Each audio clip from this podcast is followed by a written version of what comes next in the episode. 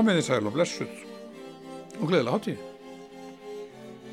Í dag höldum við Torfi Túlnus áfram samtali um tilfinningar við góða gesti sem við fáum eh, aðeins hljóðnumannum með okkur og í dag er það Berglind Guðmustóttir, sálfræðingur, verður velkomin.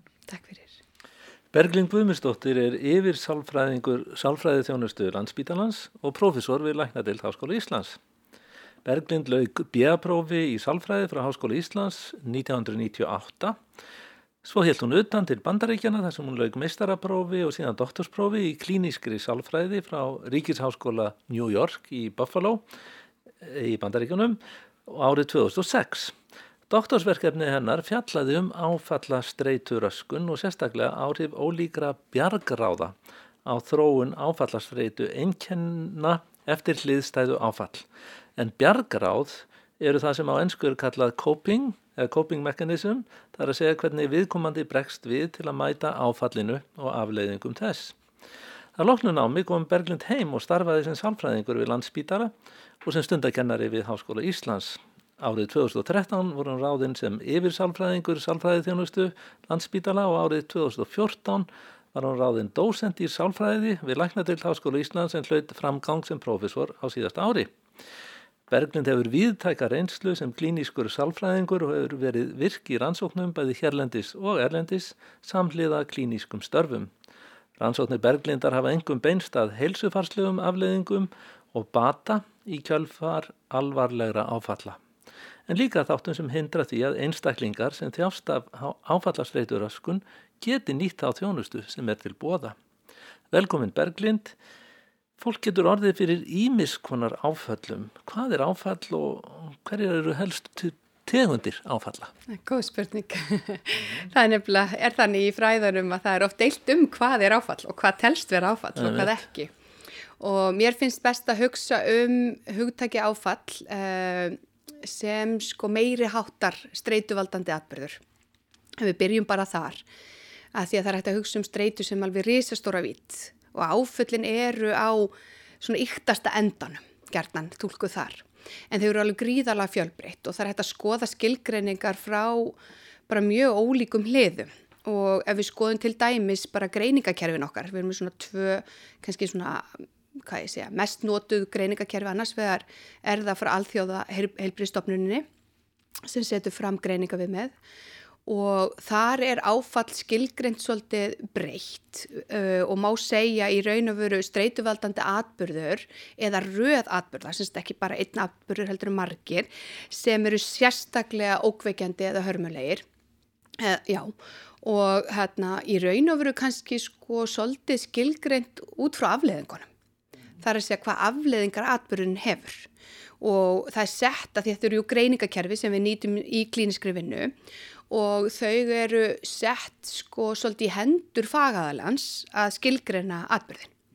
Í bandaríkjónum, með bandaríska greiningakerfið eða DSM greiningakerfið, það e, þrengir þetta svolítið meira og þar eru þeirra svona að skilgreina áfall svolítið út frá aftur afleðingunum en að reyna svona að ná utanum þar sem afleðingarnar verða eru líklegast að verða alvarlegar og hugsa þetta þá gertan út frá áfallastreitu eða annars konar svona afleðingum og þá erum við að tala um atbyrg sem er sko ógnar lífi veldur döðsfalli eða alvarlegum áverka hjá einstaklingunum eða einstaklingurinn getur upplifað þann atbyrg sjálfur eða orði vittni að.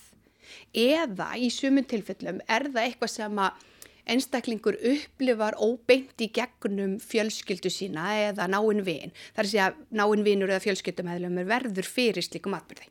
Já þannig áfallið er ekki bara áfall sem einstaklingur verður fyrir, mm. þetta er líka ef hann horfir á annan Já, verða einmitt. fyrir áfallið eða ef einhver nákomun honum verður fyrir einhverjum hörmulegum atbyrði sem að færir hann nær döðanum eða örkuml eða eitthvað tíumlíkt. Algjörlega og það getur í raun og veru til dæmis, sko, þú getur verið vittni að atbyrði eins og segjum sér svo að ég sé, verði vittna bílslisi eða einhvers konar vinnuslisi eða einhverjum atbyrði sem verður fyrir einhvern annan, þá er það bara svona beint vittni að.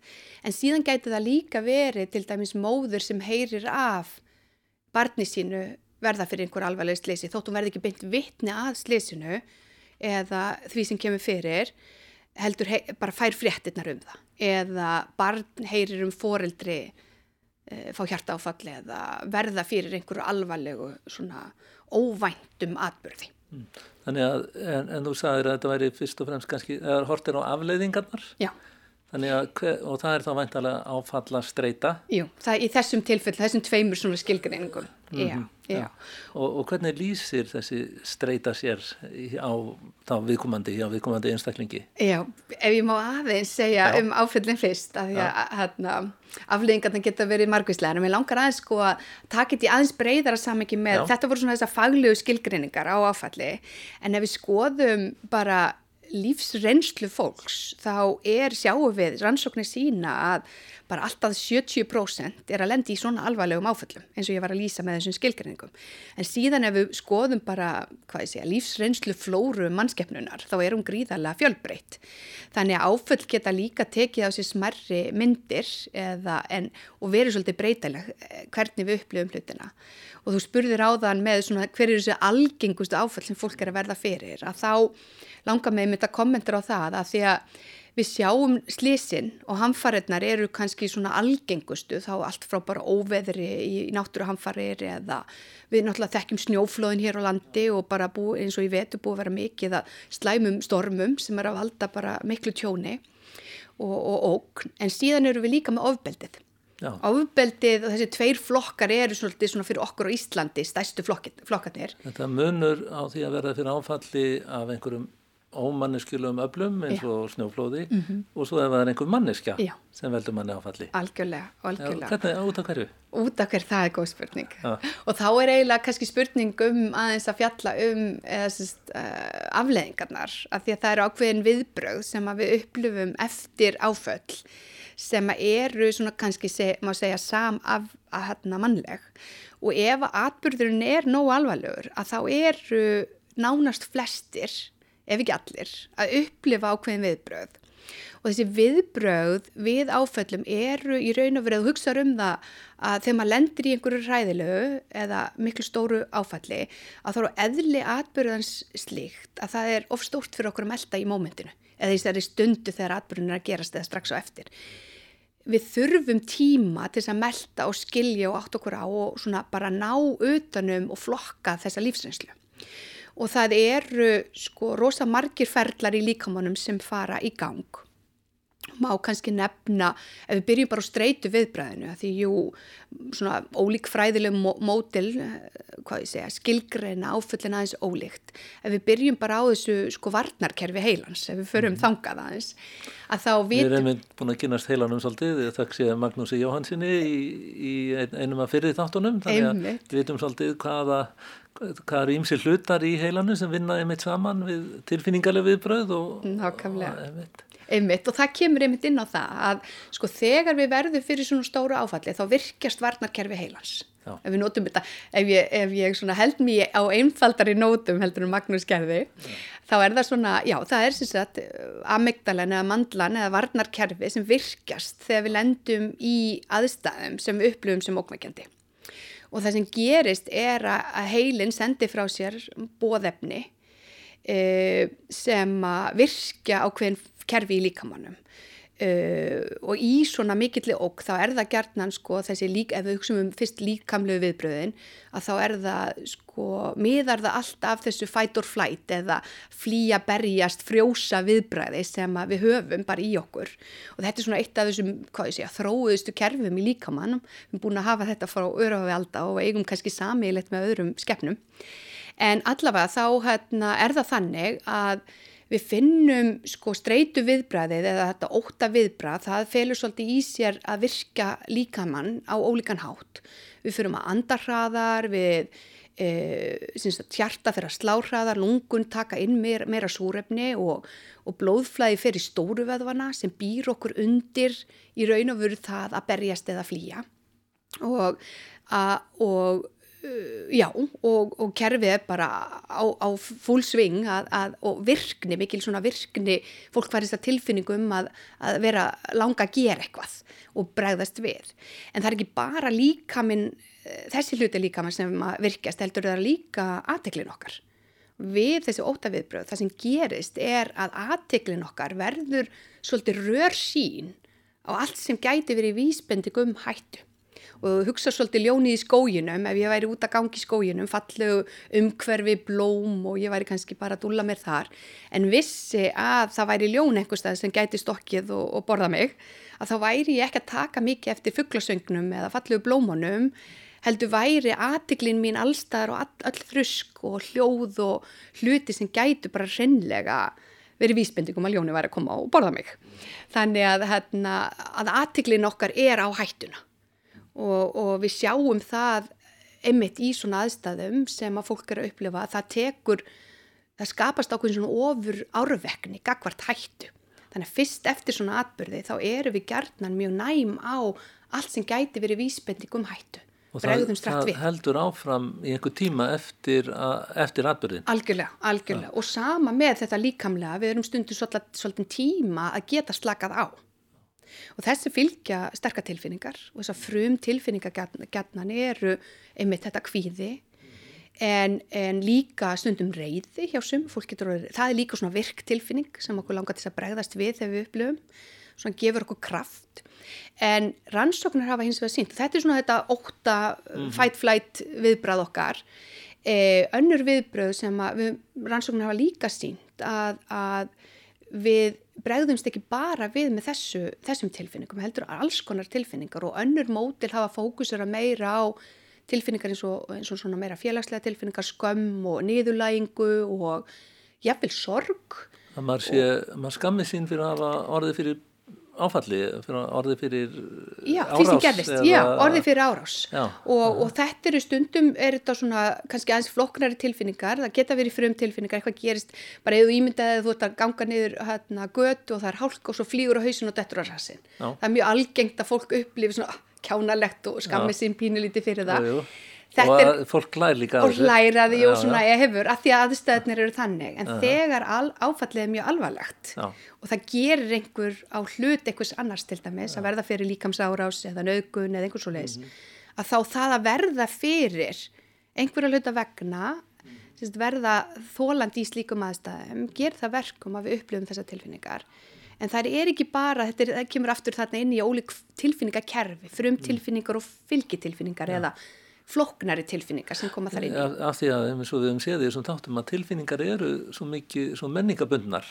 Þetta er ekki bara líkamlega viðbröð, heldur líka hvernig við vinnum úr þessum skilabóðum frá líkamannum og setjum það í sammingi við það sem menningin kennir okkur eða það sem menningin segir okkur til meðalans um hvernig við eigum að vera. Og, ja, algjörlega. Og það algjörlega. til skamstíma þótti það einmitt skammalegt að hafa já, orði fyrir nöðgun og, mm -hmm. og fólk þagði, ekki, þagði yfir því. Og, mm -hmm. En þegar að maður verður fyrir þessi eðlilegu viðbröð við mhm. hættu mm -hmm. sem að þú ert að lýsa og þau halda áfram og þau tengjast inn í einhver svona félagslega tilfinninga líka en hvers vegna er það að fólk getur í sumum tilfellum nær fólk sér ekki eftir svona áfalli áfalli lifir áfram í viðkomandi áfram og áfram og kannski árum saman. Getur útskýrt það fyrir okkur? Já, heldur betur. Eða það eru nokkur mótil, tvö kannski mótil sem að mér dettur svona sterkast í hug að segja ykkur frá. Annað er, eh, ef við byrjum bara á sko mótili Ednu Fó eða Fó og Kósak, svona frægrein frá 1986 um svona þetta fight-flight kerfi, hvernig það virkar og þau tala um, sko þegar áfall gerist þá verður til eins konar hérna, uh, sé, óta kerfi í heilanum, eða fear network. Og þetta óta kerfi það skráir upplýsingar í heilanum um það sem gerðist viðbröð okkar við því sem gerðist og tólkun á því sem gerðist. Þannig að það er ekki bara atbyrjun sem slíkur heldur viðbröðin og þá líkamlegu tilfinningarnar, hugsanirnar og allt sem bara við vorum að upplifa í mómentinu en líka síðan hvernig við meldum eða tólkum í mómentinu þessar upplýsingar. Og þegar, uh, og þetta gerist bara syns, í, í atbyrðunum, en síðan eftir að atbyrðunum á sér staði, ef við náum að virka þessar minningar og skoða tilfinningarnar, leifa tilfinningunum að líða hjá, að því tilfinningarkerfin okkar eru þannig að frum tilfinningar sem við upplifum, ef við leifum þeim að koma og, og svona fá tækifæri til þess að, að upplifa þær, þá renna þær sitt skeið, svolítið svona eins og öld, öldur. Og ég mynda þær öldur sem koma bara upp hérna, sagt, fjöruna það er degja út og renna svo út aftur. Þetta er svolítið svo les, það ert að hugsa já, um það þannig? eða stormur í vasklasi sem að lægir smám saman já. ef maður leifir öldunum að svona, lægja en, en, en hvað, um, hvað um það þegar fólk festist einmitt í tilfinninga viðbröðum við dættum hefur bara vinnur okkar verðt er ungi þar að segja höfnun, ástarsorg uh, sem getur haft alvarlegar afleðingar er hægt að tala um áföll í því samengi?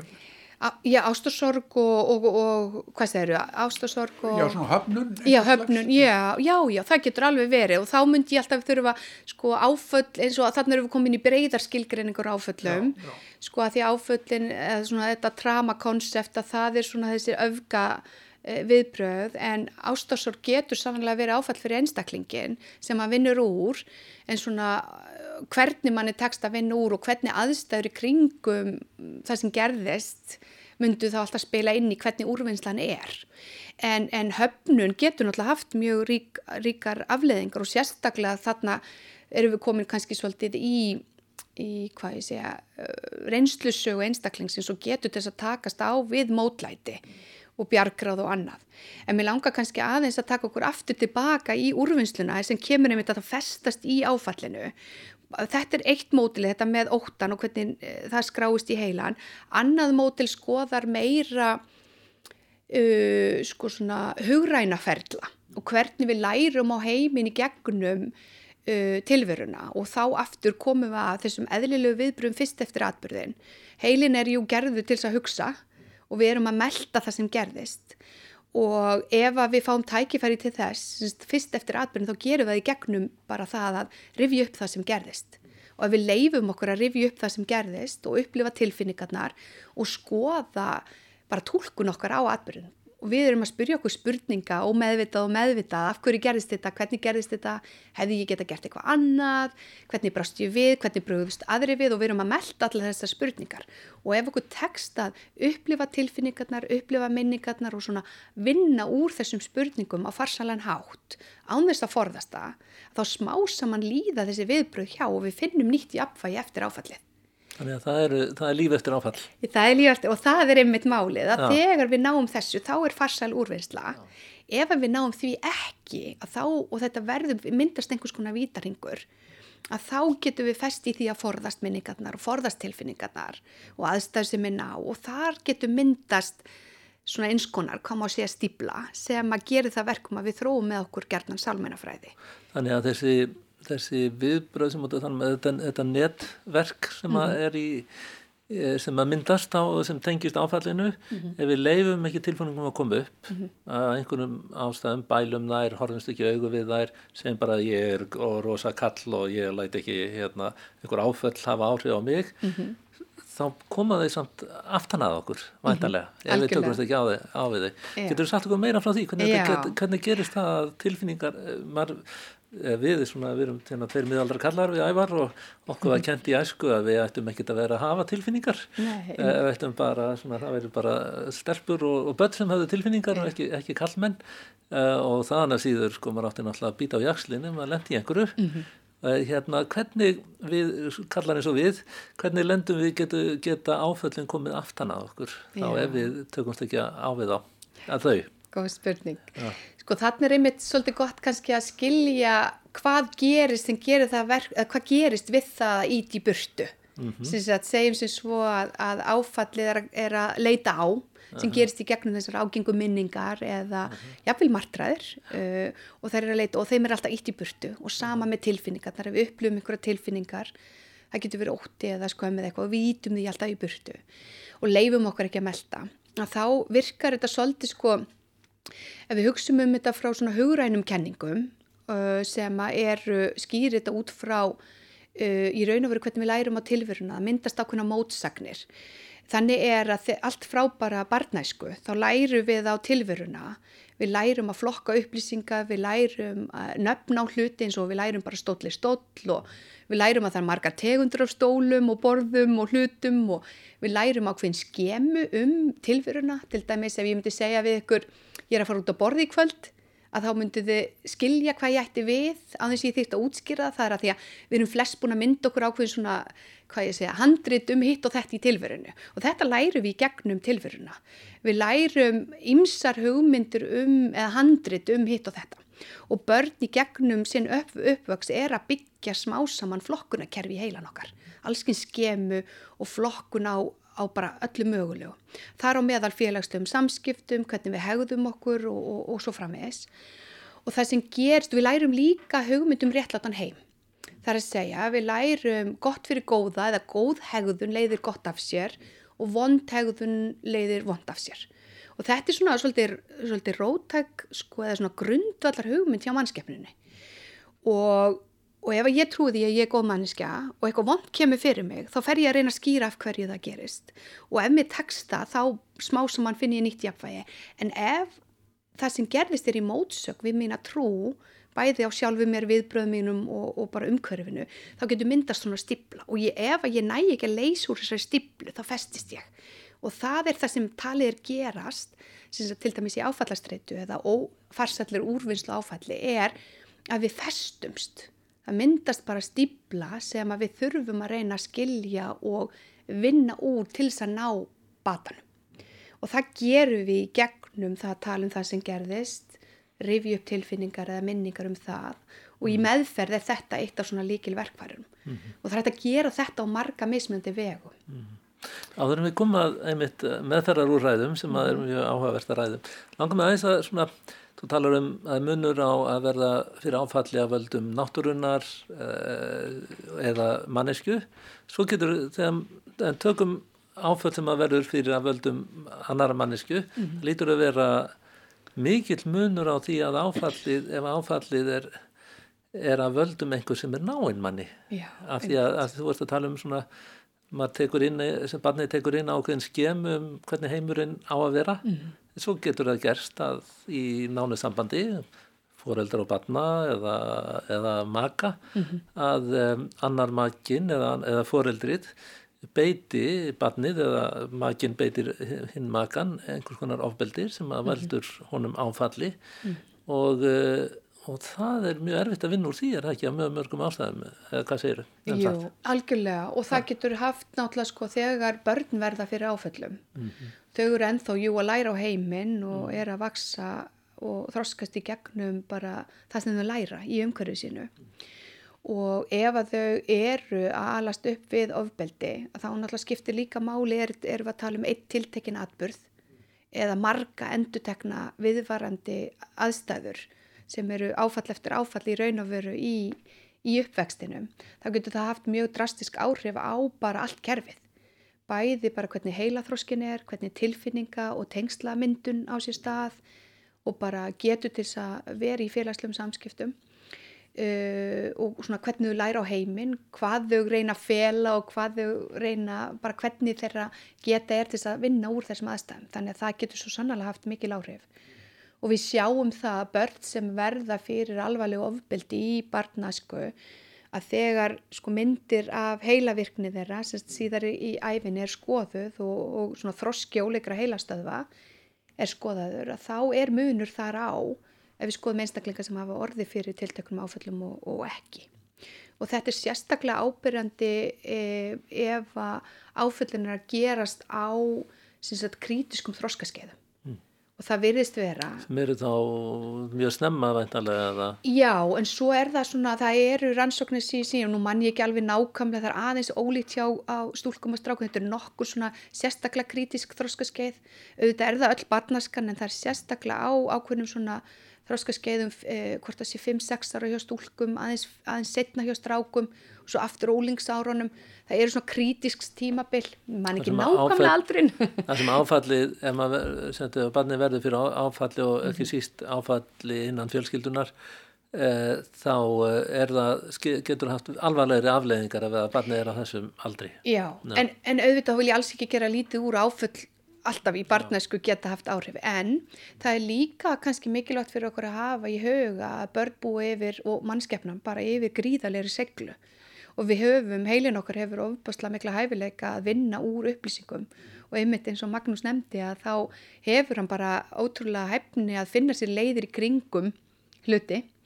Og, og bjargráð með þroskast, við, við þróum með okkur bjargráð sem verji okkur og bæði heilin og við sem, sem manneskjur erum bara mjög færi í að finna okkur leiði til að forðast áreiti og forðast og vinna úr upplýsingum. Þannig við sjáum það eins og bara heilin okkar með hæfni til að deyfa sig.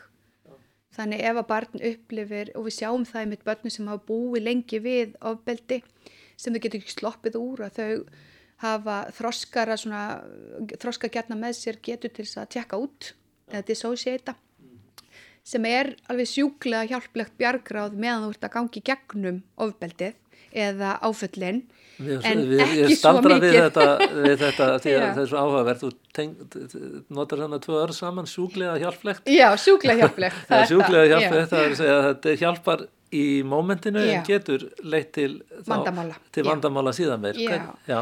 Sko, segja það okkur aldrei meira frá því er það Já. þá í, einmitt tilfinningaleg vandamál sem að Sko í raun og veru kannski sko ef þú hugsaður um funksjónina eða virknina í því að tjekka út eða, eða aftengja sig. Já. Þetta er eins konar hugróf og það getur verið á heillir í stórri vít allt frá bara svona vægt að, að svona eins og maður þekkir að sóna út svo í já. eða yfir í það bara algjörlega að tjekka út úr líkamannum. Þetta er svona alveg risastór vít með mörgu þar á milli. Já. Svona óraunveruleika tilfinning getur tengst þessu eða bara hreinlega eins og ég segja tjekka þetta alveg að út. tekka út úr líkamannum eins og segir þetta er það sem maður heyri stundum að uh, fórnalum nöðgana uh, upplifa það er, Mhm. Já. það er bara sent, uh, þessi fórnalömb eru bara farin út úr líkamannum meðan þetta er að gerast er og er, eru, eru svona líffræðilega skýringar á þessu eða í heilastarseminni er þetta bara einhvers konar hæfileiki heilans til að bara s- slökkva á óþægilegum upplifunum eða karafullum upplifunum? Já, það eru bóðefni í heilanum sem bara eru bara dælt inn í kerfið sem að deyfa okkur, svona morfin lík efni. Okay. og sem ger það verkum að þetta er enn og eins og ég sagði, þetta er sjúklega hjálplegt í mómentinu. Og bara dásamlegt hvað líka minn er nú frábært fyrirbæri að geta hjálpa okkur í gegnum svona. Uh, en hins vegar, og til leið til þess að deyfa hins vegar, þegar áfallið er búið þá er það búið. Þannig ef að, ef að hvort sem það er barn sem er komið út úr aðstæðanum eða fullorðið manniska sem er ekki lengur í þessu áfalli, þá er það búið. Og þá hefst gertna þessi úrvinnslu ferli og ef að bjargráðið sem er kannski búið að, að þurfa að notast í gegnum tíðin er orðið og er ósjálfrátt, er orðið bara hluti af leiðum til þess að takast á við erfiðar aðstæður. Og það fylgir manneskunin í framtíðina. Að þá getur skapast ákveðin vítaringur að því að við þurfum jú að varnarkerfin okkar að halda. Þannig ef að ég er eh, hef tilneyingu að- út af minni fortíð eða minni lífsreynslu til þess að tjekka út lendi síðan í aðstæðum þar sem ég þarf að bjar, hérna, þessu bjargráði að bregðast við hættu og ég tjekka út þá getur það dreigi úr getum minni til þess að takast á við aðstæður hér og nú. Og kannski ef maður er komin í varum fullorðin, kannski þessi atbyrður fyrir Mhm. löngu síðan, ef maður er búin að temja sér þetta, þetta hegðuna minnstur Já. og maður er þá kannski ekki í færum kannski að koma börnum sínum til aðstóðar ef maður er orðin foreldri eða stíð inn af því að þegar að hlutinni verða erfiðir þá svona gengum maður út á sviðinu eða, Já, það, það væri hægt að lýsa í þannig og ég vil taka skýrt fram að þessi bjargráð er náttúrulega alveg ofbúslega mikilvæg í þessum of, hérna, áfalla tengdu aðstæðum og fullkomlega eðlilegt að verði hluta af bjargráðum síðar meir. En það sem þarf gerðan að gera er að læra aðrar hjálpleiri leiðir af því að einmitt í þessum aðstæðum ef ég tjekka út við þegar eitthvað okna mér, það getur verið, ég get verið að keira og eitthvað gerist og eitthvað virkjast eða ég er að rífast við makamenn sem að gerist jú í flestum samböndum og einhverjum tímapunkti og ég allt í hennu tjekka út og man bara síðan ekki hvað er að gerast að þá getur það verið óhjálplegt að því þá er ég ekki að vinna úr aðstæðinu. Og þetta er einmitt það sem að einstaklingar sem að koma í meðferð eru gerðnan bara að læra að taka eftir að því hugráf gerist yfirleitt ekki sko svarkvít. Það er ekki bara annarkvort er í tengd eða aftengt. Yfirleitt þegar fólk fyrir að skoða þá áttar það sig á því að, að það er hægt að taka eftir forstegum og læra bara reynilega hjartengjandi aðferðir til þess að koma í vekk fyrir að, að, að detta út. Er, er, það er aftur se- er hægt að segja að, að svona hæfileg áföll Mhm. þjálfi eða þroski þessi bjargráð svona þetta Er það þá að tala um... Ég, ég er að tala um það að ef, ef, ef fólk sem verður fyrir mótlæti mm -hmm. og, og stundum enn og sagt að engin verður óbærin biskup og menn tala svona um að það sé nú gott bara að verða fyrir ákveðinu mótlæti og það þroski einstaklingin. Mm -hmm. Er eitthvað til í því? Sko, er eitthvað til í því að sá sem ekki verður, sá sem er alin upp í bómull og, og hefur það vola náðugt og ef hann síðan lendir í einhverju á fullonisárum og þá sé hann verð undir áföll búin heldur en sá sem hefur Mm -hmm. orðið að grýpa til bergráða. Já og það, það getur verið það við, sko að því að náttúrulega þetta snýst svolítið um að byggja hægt og róli í gegnum lífið upp, upp getu, seglu, bjargráð til að takast á við ólíkar aðstæður. Uh, og í, manni, í skólanum hjá börnum er að gerast það er allskins ágreiningar sem kom upp millir vina. Og ef að við erum svona innan hvað ég að þessar eðlilegu marka í bara lífsreynslu ekki að tala um einelti eða ofbeldi eða neitt slíkt heldur bara í þessu þá eru börn jú að, þjálfa sig og takast á við allskins aðstæður eins og bara að þurfa að standa fyrir fram að bekkin og lesa upp ljóð eða, eða gera einhver æfingi í leikfimi eða einhvers konar svona takast á við aðstæður sem að vekja svona hæfilegt magn af mótlæti.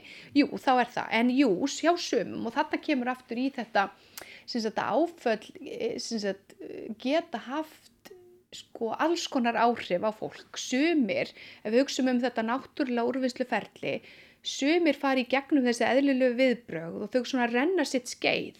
Það getur tekið nokkra, bara nokkra daga, nokkra viku, nokkra mánuði hjá sumum, nokkur ár hjá öðrum. Sumir þurfa og, og svo smásama náðir jafnvæg á ný og það getur jafnvel leitt til, til sko einhvers þroska eða framþróunar og bjargráðin svona ítt undir frekari þroska hjá öðrum sem að lenda í svona eins og ég talaði um stíplutnar þarna áðan að þá getur það verið að þeir þurfa hjálp meðferð bara reynlega til þess að vinna úr áfallinu og ná síðan bata eftir það. Og, og en síðan eru sömur sem að sko ná ekki úrvinnslunni þess að fara ekki meðferð, fá ekki aðstóð og festast í áfallinu. Og þeir eru kannski svolítið fastir þá í áfallinu ánfram og það er alveg hægt að ræða heilmikið um það hvað gerist þar en fyrir suma í þessum hópum þá fara þeir lengra í batanum og þeir ná svona það sem kallað er positive growth eða mm -hmm. post-traumatic growth mm -hmm. getur mann talað um þennan sko vöxt umfram bara það að ná bata fara Já. umfram í raun og veru á einhvern hátt. Maður öðlast einhverja visku í kjölfar meðferðinar og sem að gera manna stærri og betri mannisku. Já, ekki endilega bara meðferð, heldur Já. líka bara sjálfur. Þeir læri Já. eitthvað af, af og ég vil, ég vil meina sko, ég kýsa að líta ekki á áfalli sem sko lærdóminn eða sem það sem leiði til vakstar heldur er það hvernig þú vinnur úr því. Að því það að sigrast á því vesta sem að hjælt kannski á einhverjum tímabútið maður gæti ekki sigrast á er rosalega styrkjandi fyrir fólk og það er, hefur verið alveg sannur heiður að fá að fylgja fólki í gegnum með mitt meðferð og sjá það sigrast bara á því vestar sem að lífið hefur upp á bjóða. Já, það lítur að vera mikil gleði fyrir en við svona meðferðaðila eins og þig. Já, en það er hér... bara alveg magnað og líka bara þetta er svo mikil sko hetjudáð að það að fara síðan inn í lífið með þannig sigur Já. sem að þessi úrvinnsla eða, og hvort sem það gerist með þerapista eða, eða meðfæraðala eða bara hjá einstaklingum sjálfur að segrast á erfileikum er eitthvað sem gefur okkur stolt og, og svona kraft sem að færir okkur svo inn í reynslunni ríkar inn í, í, í framtíðina. En, en tönum svolítið um meðferð, mm -hmm.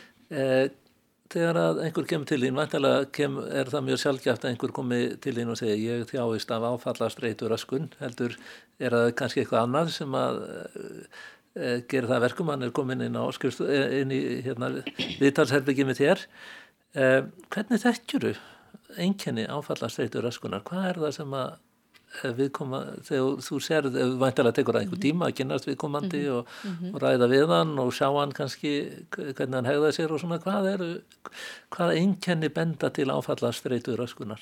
Hvað spurning það eru sko, það eru til hérna bara mjög gagleg greiningatæki og, og, og viðmiðin sem, sem við notum, eða það eru bara ákveðin enginni sem fólk greinir frá og þetta fer yfirleitt fram í gegnum bara greiningaviðtal Hjá börnum er maður ofta að treysta á lýsingu foreldra eða samtal við börnin og þar er maður ofta að observera eða fylgjast með hegðun og tilfinningarlegum svona hérna, viðbröðum en hjá fólki almennt að þá eru áfallastreita er samsett úr sagt, fjórum engina flokkum uh, það eru engini sem fela í sér einhvers konar endur upplifun og það er, getur verið ágenga minningar eða myndbrot eða skinjanir sem minna á atbyrðin get, og þetta er yfirlt óbóðunar þá kannski hugsanir eða myndbrot eða skinjanir um það sem gerðist. Það getur verið martræðir, það getur verið það sem kallaði flashback eða endurlitt það sem viðkomandi líður eins og hann sé bara reynlega, ekki hér og nú heldur þar á þá að endur upplifa það sem gerðist. Og svo getur það líka verið tilfinningarlega og líkamlega viðbröð þegar eitthvað minnir á.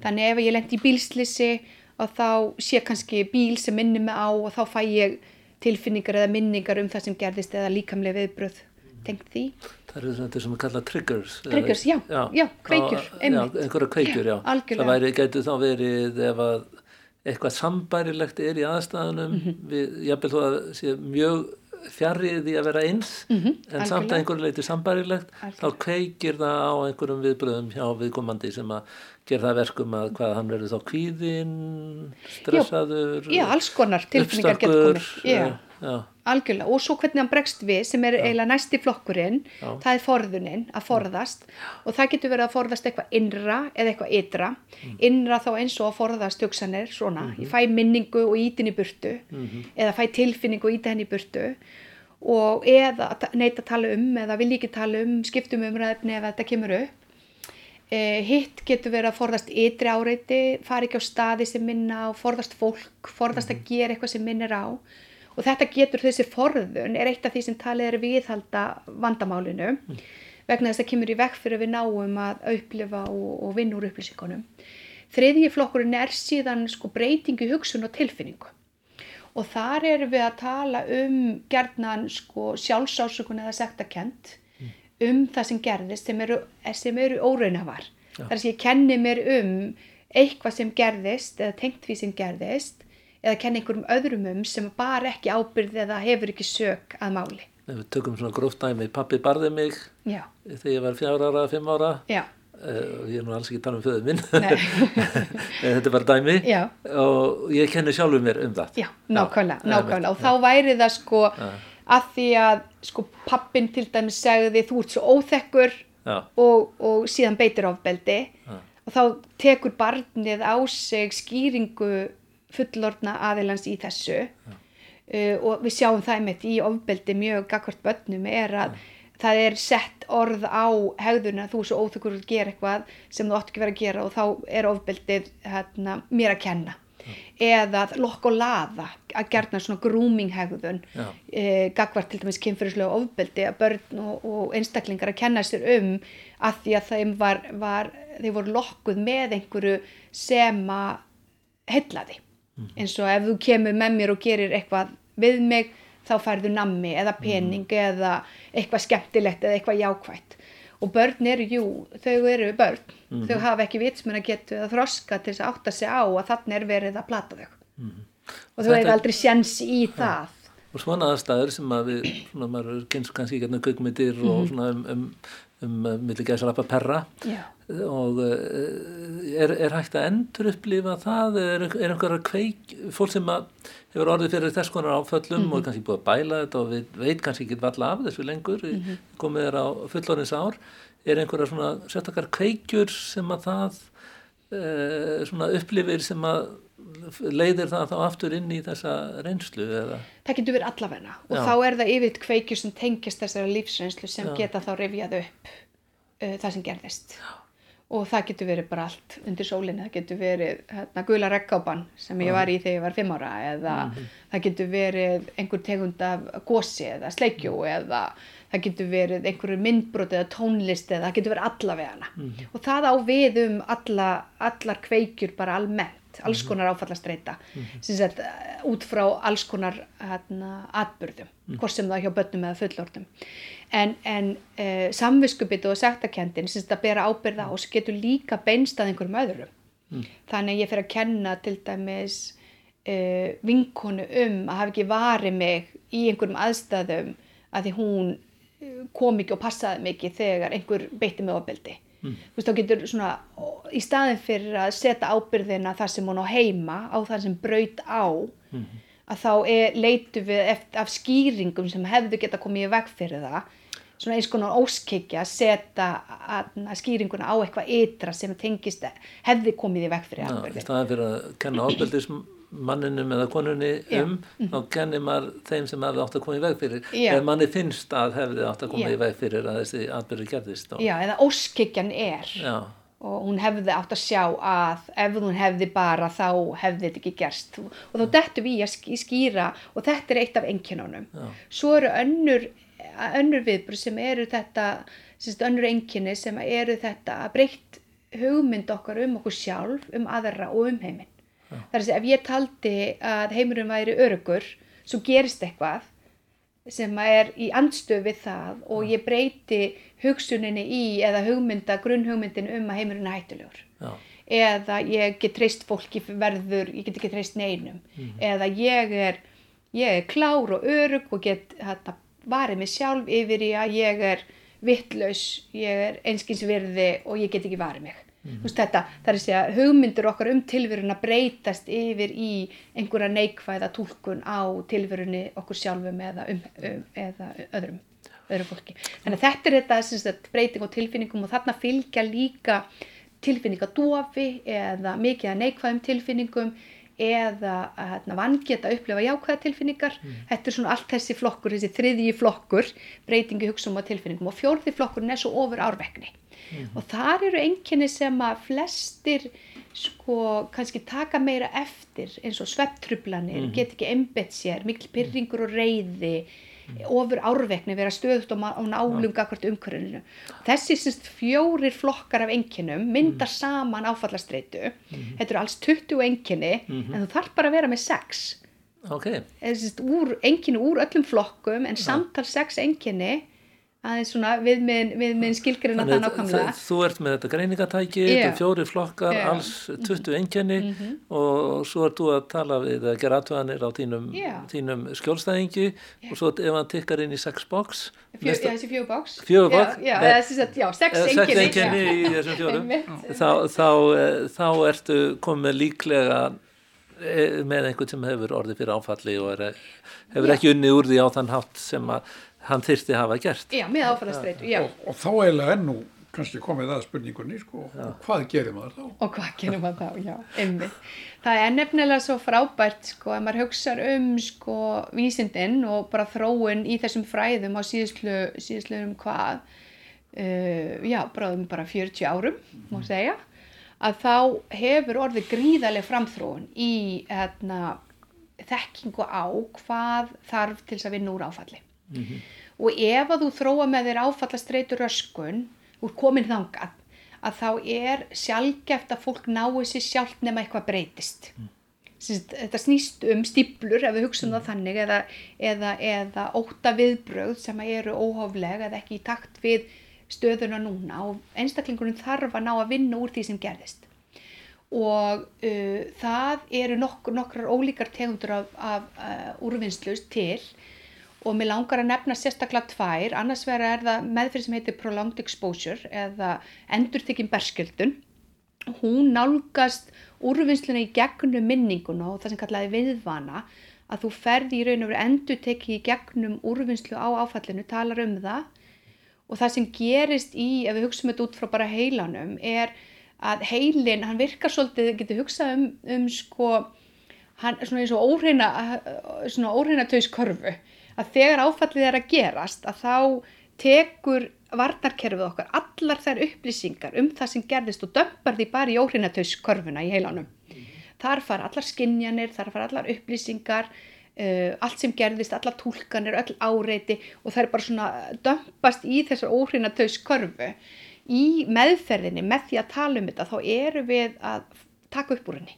Við erum að skoða minningarnar, við erum að flokka þær, við erum, þetta er svolítið svona, með börnunum notum við gætna hana sortra óhrinatöysinu, tröginu og tögið og þóða í, í þvottavílinu og brjóta það saman og þurka og allt þetta, getum leikið okkur með þessa lýsingu, en allavega þá snýst þetta svolítið um að við þurfum þetta að taka upp úr þessari körfu, eða úr heilanum upplýsingarnar og ná að vinna með þær í sko raukhugsunum okkar og flokka þær. Þetta er svona rauk, hvað er þetta eftir, hérna CBT? Já, hugræn atfylgismeðferð. Já, þetta er tegund af því, já. en þessi nálgun, hún er svona, hvað segir maður, bottom up, þar sem Aha. við vinnum þetta í gegnum varnarkerfið okkar, óttakerfið, með því að endur tekið farið gegnum minninguna, að þá náum við að flokka. Síðan er önnur tegund sem er meira svona hugræn nálgun, sem heitir Cognitive Processing Therapy, sem er, er svona hugræn úrvinnslu meðferð, og þar nálgast út í gegnum tólkanir og skýringar, hvernig þú, hvað merkingu þú lagðir í atbyrðin og þú nálgast að það með því að skoða hvers vegna þú, hvernig þú tólkaðir, hvers vegna þetta gerðist. Og þú, og þú skoðar þessar stíplur, þessar hugsanir, hvað þú ert að kenna þau um, hvað þú ert með sjálfsásökun eða sektakendum og þú skoðar í raun og vera atbyrðar rásina eða það sem gerðist í gegnum það að skoða merkingu aðbarðarans.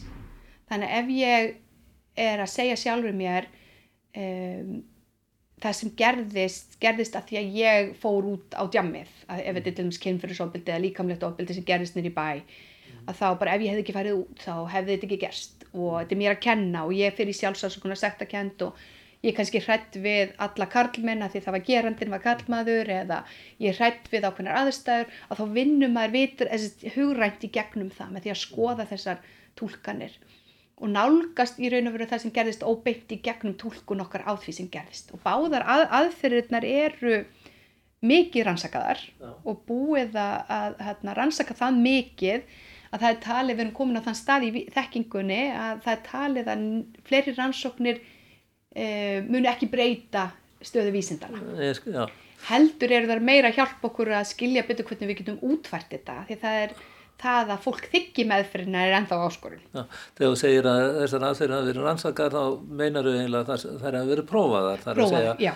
Að Algjörlega. það hefur verið fylgst með meðferðinni, allt skráð og síðan kannski fylgst með e, skjólstæðingunum í einhver tíma á eftir til að aðra hvort að algjörlega takk fyrir það þeir hafa náð árangri í, eh, í lífi sínu já. Já. og þetta er í raun og veru svona randomized clinical trials eða slembirannsóknir kerfisbundna slembirannsóknir þar sem við erum með einstaklingar sem eru eh, á tilvílina kendan hátt, skipt í hópa og síðan er meðferðin kerð og síðan er metin árangur og ímist borið saman við aðra annað meðferðarform eða byggðlista og síðan er fylst með alltaf bara 5 til 7 árum setna eru árangurinn ennþá til staðar. En síðan eru aðrar hérna, aðferðir eins og EMDR sem er, er hérna, líka hérna, nálgun sem hefur sínt mjög góðan árangur og er eina af gaggrindu meðferðunum sem allt er með. Þannig það, það er svona þessi EMDR, hvað stendur það fyrir það? Hérna, Eye Movement Desensitization Reprocessing. Það er eitthvað með aukreifingar já, já, já, það er þessi sagt, já, og hún sko svona ég er nú ekki sérfræðingur í því og kannski ekki besta manneskan uh, til þess að mhm. lýsa henni nákvæmlega en í raun og veru vil ég segja kannski með allar þessar aðferðir að þær á sinnhátt vel allar í sér að rifja upp það sem gerðist beint eða óbeint skoða við erum, hvernig við tólkum og hvernig við erum að hugsa og hvað tilfinningar við erum að upplifa og nálgast þær á aðeins ólíkan hátt og allar hafa það sameigilegt að þær eru að vinna úr. Í raun og veru um það gangast við því sem gerðist, horfist í augu við það og, og, hérna, og skilja það sem gerist já, skilja það og ná að flokka það já. og átta sig á hérna, já, bara vinna úr þessari sko svona uh, já, má segja svona sjálfsásökunin gerðnar mjög rík eða, eða þessar tilfinningar þær þurfa að finna sinn farveg og maður þarf að finna nýtt jafnvægi að því að, að því að við viljum finna sko eins og ef við hugsaum þetta út frá þessum hugmyndum réttlátar heim að þegar eitthvað gerist og, og það reyðlar svona hugmyndum okkur um öryggi og, og traust og, og þá þurfum við að finna nýtt jafnvægi. Þannig að ef við trúum því að heiminum er í fullkomlega öryggur og ekkert gæti skada okkur þá viljum við ekki fara í hinnaöfgan hann er fullkomlega hættulegur og allt getur skada okkur. Heldur viljum við finna já það eru aðstæður sem eru hættulegar og ég þarf að varast þær eftir bestu getu en stundum er það bara þannig að, að vondir hlutir gerast fyrir gott fólk þótt að það, maður ger allt rétt þú veist það er allski svona hlutir bæði tengt trösti og örgi og, og nánd sem við þurfum að vinna úr En námenn sér, eða er verður alltaf öra á sálinni?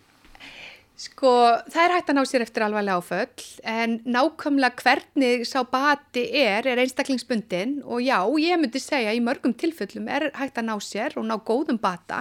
Í stundum felur það í sér að finna nýtt jafnvægi og læra að lifa með lífsreynslunni en fyrir suma þá, sko, þetta snýst svolítið um að ná jafnvægi sem gerir það verkum að geta halda ánfram með lífið á sínum eigin forsundum. Maður sé ekki fangi fortíðarinnar og áfallsins heldur sé í raun og veru fær að, að takast á við lífið og, og njóta þess á einn fórsundum ekki þess sem kom fyrir okkur.